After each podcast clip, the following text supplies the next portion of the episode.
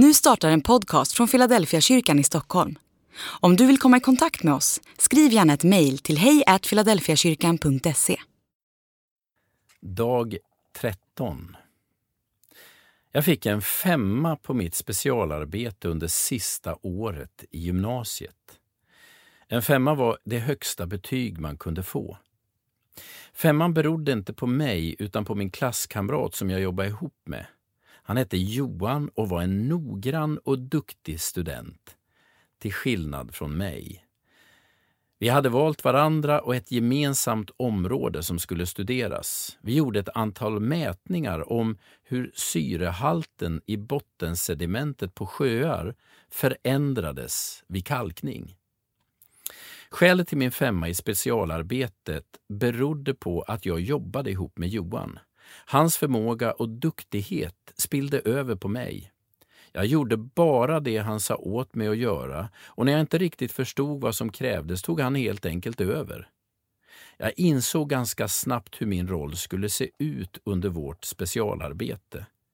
Jag bestämde mig för att låta Johan dra upp riktlinjerna, rita tabellerna, dra slutsatserna och skriva slutrapporten. Min uppgift var att göra det Johan sa åt mig att göra. Det fina med denna uppdelning var att Johan var nöjd, jag var nöjd och på slutrapporten stod bådas våra namn, sida vid sida. Följ mig, sa Jesus till Filippos. De orden känns ganska utmanande. Är det ens lönt att försöka? Hur ska jag kunna hålla jämna steg med Jesus? Skillnaden mellan Jesus och mig är enorm. Jesus är Gud i mänsklig gestalt, det är inte jag. Jesus har levt som vi, men utan synd. Jag syndar ständigt och jämt. Jesus kunde se vad människorna gick för utan att fråga. Jag vet knappt vad jag själv går för. Jesus visste varifrån han kom, hur han skulle dö och vad som skulle hända sen. Jag har knappt koll på vad som ska hända i veckan. Att försöka följa Jesus känns dömt att misslyckas från början. Det är knappt värt att ens försöka. Jag kommer aldrig att kunna leverera på en nivå som är i närheten av Jesus. Att följa Jesus betyder något mer än att bara göra sitt bästa för att likna honom. Att följa Jesus innebär att jag får låna allt av honom, till och med hans resultat.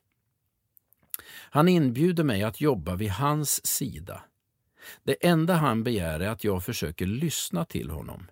Det är som mitt specialarbete i gymnasiet.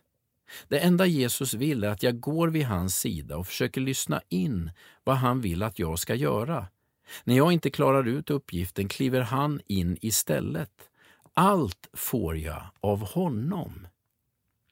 Det fina är att på slutrapporten står mitt namn sida vid sida med hans, som om vi hade gjort jobbet båda två.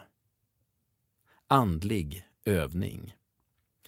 Tacksamhet är en livshållning som man måste bestämma sig för. Gör det till en vana att tacka Gud för allt gott du får ta del av. Börja varje dag under resten av dessa hundra dagar med att tacka Gud för allt du har att vara tacksam över.